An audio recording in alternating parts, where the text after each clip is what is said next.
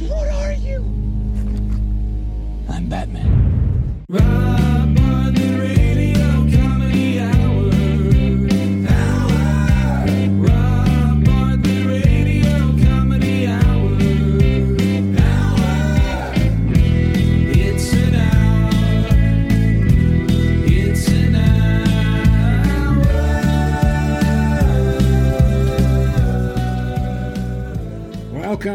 everybody, to the Rob Bartlett Radio Comedy Hour. I am Rob Bartlett, and this is my Radio Comedy Hour.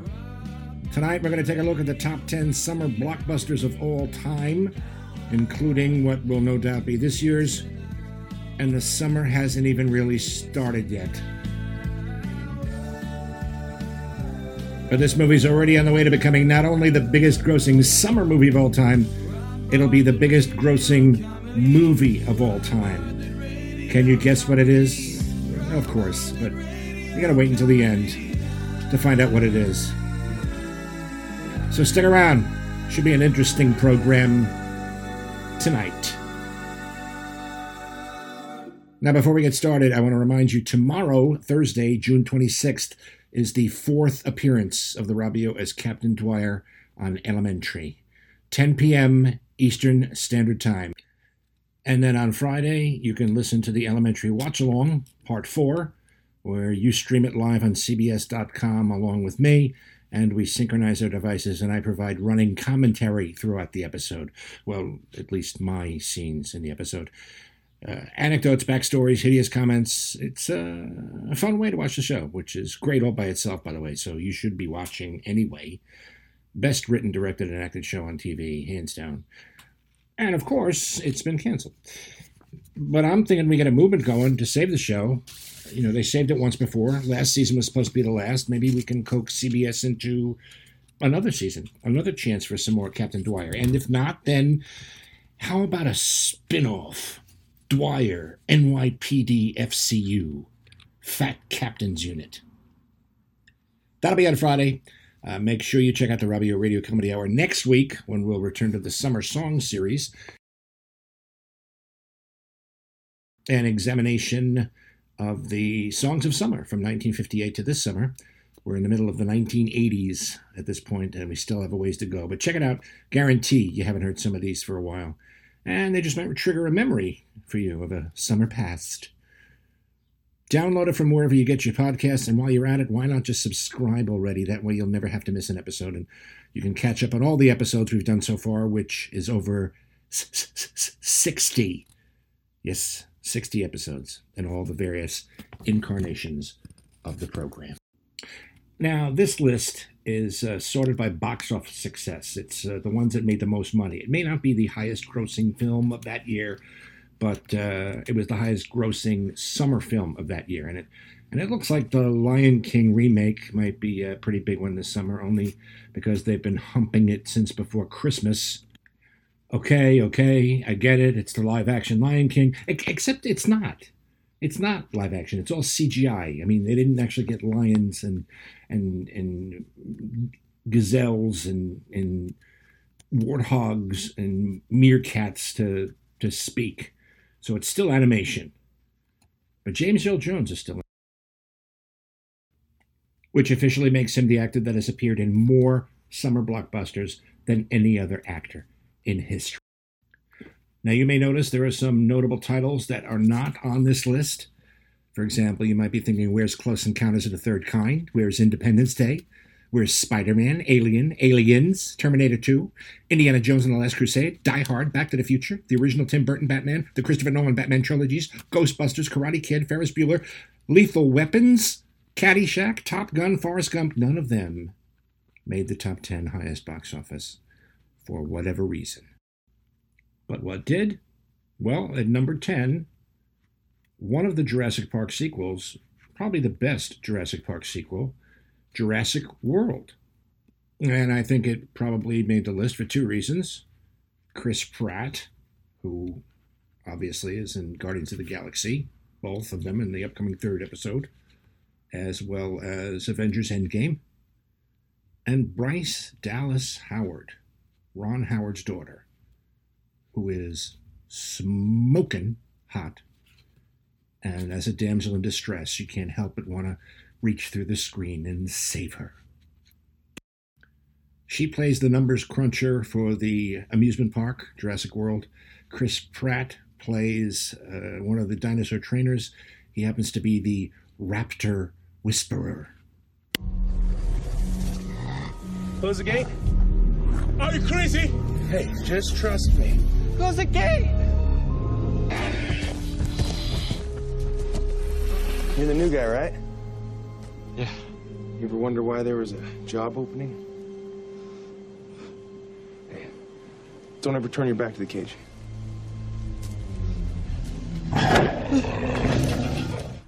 Don't ever turn your back to the cage. Wise words from Chris Pratt. Number nine, the ninth highest grossing summer blockbuster of all time, the original Raiders of the Lost Ark. What about the height of the staff, though? Did Belloq get it off of here? Yes, it is here. This was the old way. This means six kadam high. About 72 inches. Wait! And take back one kadam to honor the Hebrew god whose ark this is.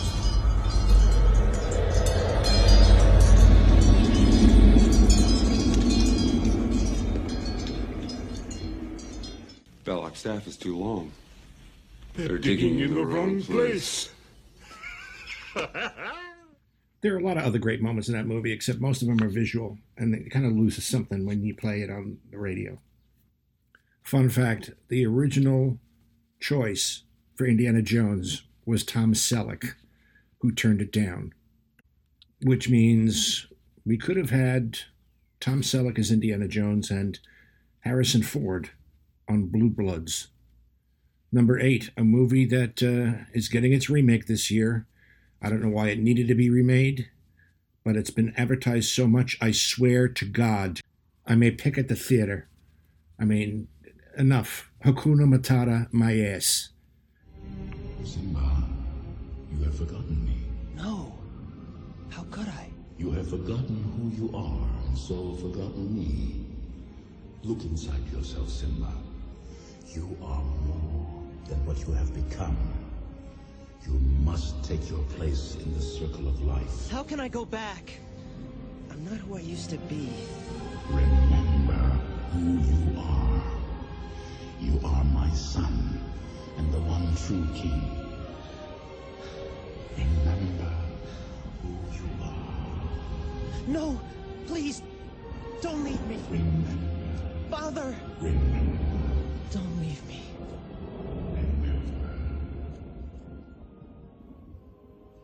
Simba, I am your father. Is there a better voice anywhere in the world than James Earl Jones? No, no. Number seven, very unfortunate. The only reason it was there is because it was a highly anticipated movie Star Wars The Phantom Menace. This is the movie that comedian Brian Posehn says was kind of like George Lucas acting like a favorite uncle who stuck his dick in your ear or something like that. It's but he's pretty much spot on because this is the movie that introduced the world to Jar Jar fucking Binks. Oh, muy, muy, I love you. You almost got us killed. Are you brainless? I speak. The ability to speak does not make you intelligent. Now get out of here. No, no, Mr. Stay. Mr. called Jar Jar Binks. Mr. Your humble servant. That won't be necessary. oh, but it is. Tis demanded by the gods, it is. No, it's not, because just the mere existence of this character is proof that there is no God. Number six, the very first Jurassic Park movie. Number one, I think there were four altogether, or five altogether. There was another one last summer, I think. The part two and part three sucked balls. Part four, not bad. Bryce Dallas Howard. Part five, however, another laugh riot. But, you know, this was one of those movies you had to see in a theater because just the sound of the T Rex's footsteps was uh, it was really it's uh, one of the better Steven Spielberg pictures. How fast are they? Well, we clocked the T-Rex at 32 miles an hour. T- T-Rex? Mm-hmm. You said you've got a T-Rex? Uh-huh. Say again. we have a T-Rex. Wow. Put your, put your head between your knees. Dr. Grant. My dear Dr. Sattler. Welcome to Jurassic Park.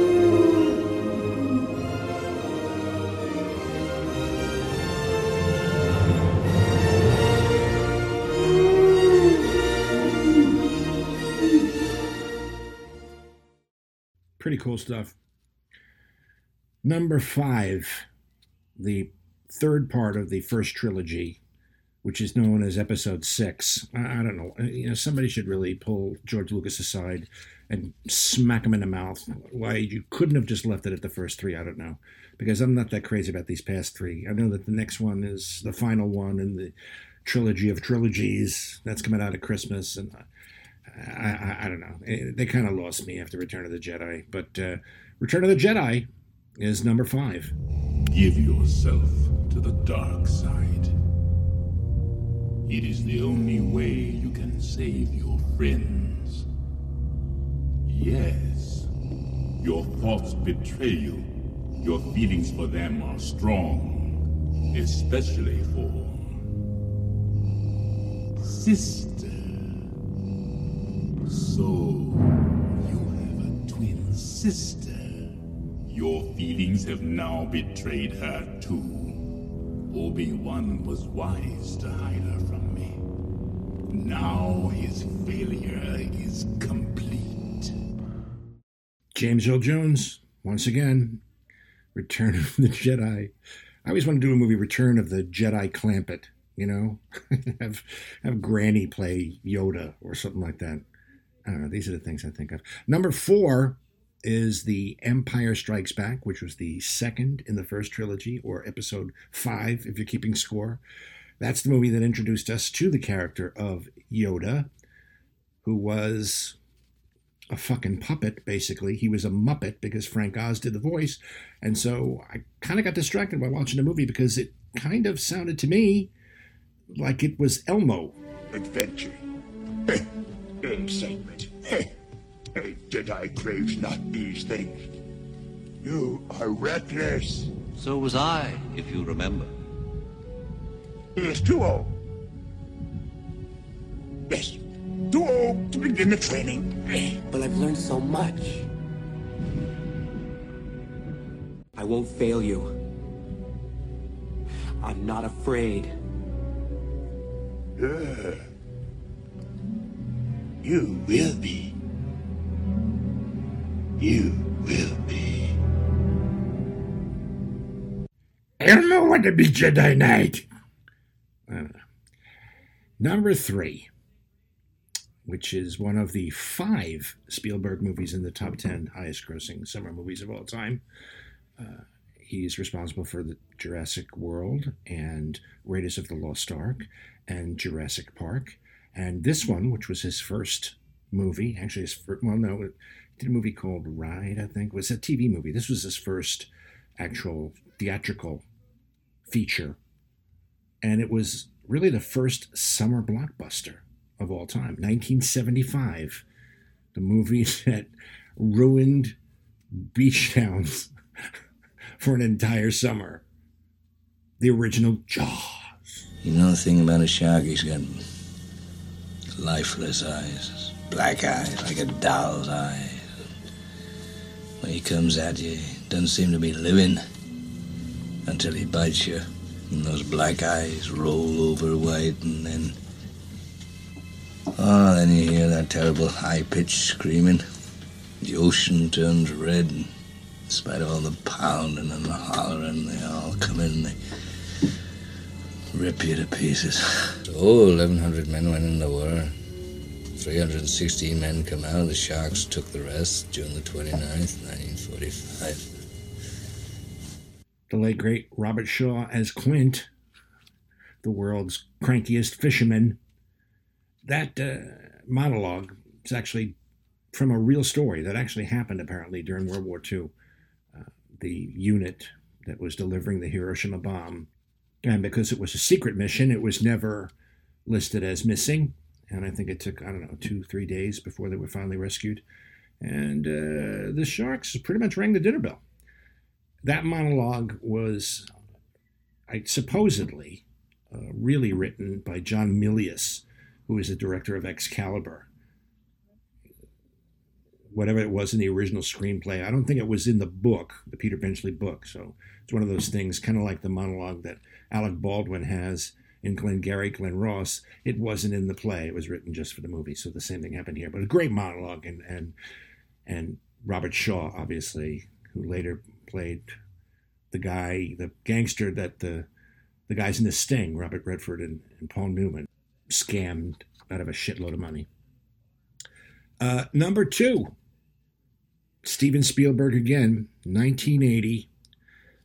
Another huge summer blockbuster. This one, kind of like The Lion King, in that it wasn't really one of those, you know, swashbuckling things like Raiders or Star Wars, or it wasn't sci fi like Jurassic Park, or it was one of those, it was science fiction, but it was one that tugged at your heartstrings. And I don't care who you are, I don't care how strong you are, no matter how macho you are, you can't tell me you didn't fucking cry when E.T. died. E.T. Home phone.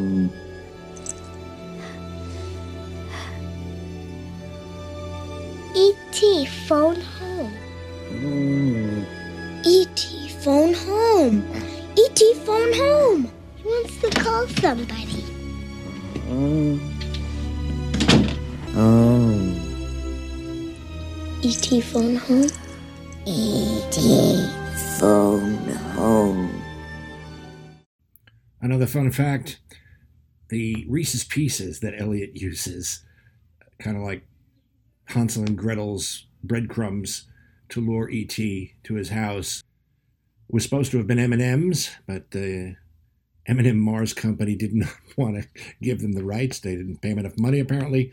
And so Hershey stepped in and said, yeah, you can have uh, Reese's Pieces, which kind of put Reese's Pieces on the map and made M&M's, you know, there's a reason why most rock band writers demand the green ones are removed. But of course, the number one box office champion of all time, number one is the original Star Wars, the first one in 1977, Episode 4 A New Hope. Tell me, young Luke, what brings you out this far? Oh, this little droid. I think he's searching for his former master, but I've never seen such devotion in a droid before. Uh, he claims to be the property of an Obi-Wan Kenobi. Is he a relative of yours? Do you know who he's talking about? Obi-Wan Kenobi. Obi-Wan. Now that's a name I've not heard in a long time. A long time. I think my uncle knows him. He said he was dead. Oh, he's not dead. Not yet. You know him? Well, of course I know him. He's me. Now, adjusted for inflation, Star Wars has grossed $1.5 billion. Now, the movie that's probably going to be the number one summer blockbuster this year, and probably the number one grossing movie this year, and probably the number one grossing movie of all time, of course, is Endgame, the Avengers finale. It made almost as much as Star Wars made in, I don't know, 40 something years in its first week. $1.2 b- b- b- billion dollars the first week. Currently, it's up at 2.75 billion, and it, there's no stopping it. Now, with the Wind is the highest-grossing film of all time, adjusted for gross 3.8 billion.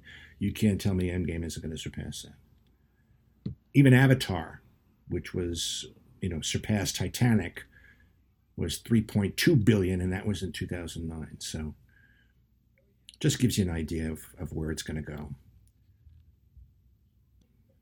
But make sure, you know, you go see The Lion King when it comes out in, I don't know, August. You know, another fun fact about The Lion King: the original voice of Mufasa was uh, was not James Earl Jones. It was Jerry Lewis. Simba, everything the light touches is ours. And that does it for today's edition of the Rob Bartlett Radio Comedy Hour. Make sure you check back with us on Friday for the Elementary Watch Along. Tomorrow night's episode, Thursday, July 26th, 10 p.m. EST, CBS. And you can stream it on CBS.com right after it airs. It's a good episode tomorrow. It's uh, Captain Dwyer at his most sarcastic and pissed off. Don't forget, you can always find out what's going on with the Rob Bartlett Radio Comedy Hour on our Facebook page, or you can follow us on Twitter at The Robio, on Instagram, Robbio007, and Robbio Radio Comedy Hour. And we love to hear from you, so drop us an email, Robio Radio Comedy Hour at gmail.com. Our program produced by Gary Grant and me, Rob Bartlett, written by me, Rob Bartlett, with help from Andrew Smith.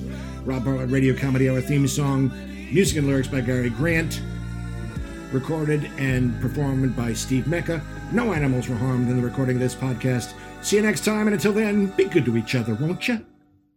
Who are you then? Just a fly in the ointment, Hans. The monkey in the wrench. The pain in the ass. You have me at a loss. You know my name, but who are you? Just another American who saw too many movies as a child. Another orphan of a bankrupt culture who thinks he's John Wayne, Rambo, Marshall Dillon. I was always kind of partial to Roy Rogers, actually. I really like those sequin shirts. Do you really think you have a chance against us, Mr. Cowboy? Yippee-ki-yay, motherfucker.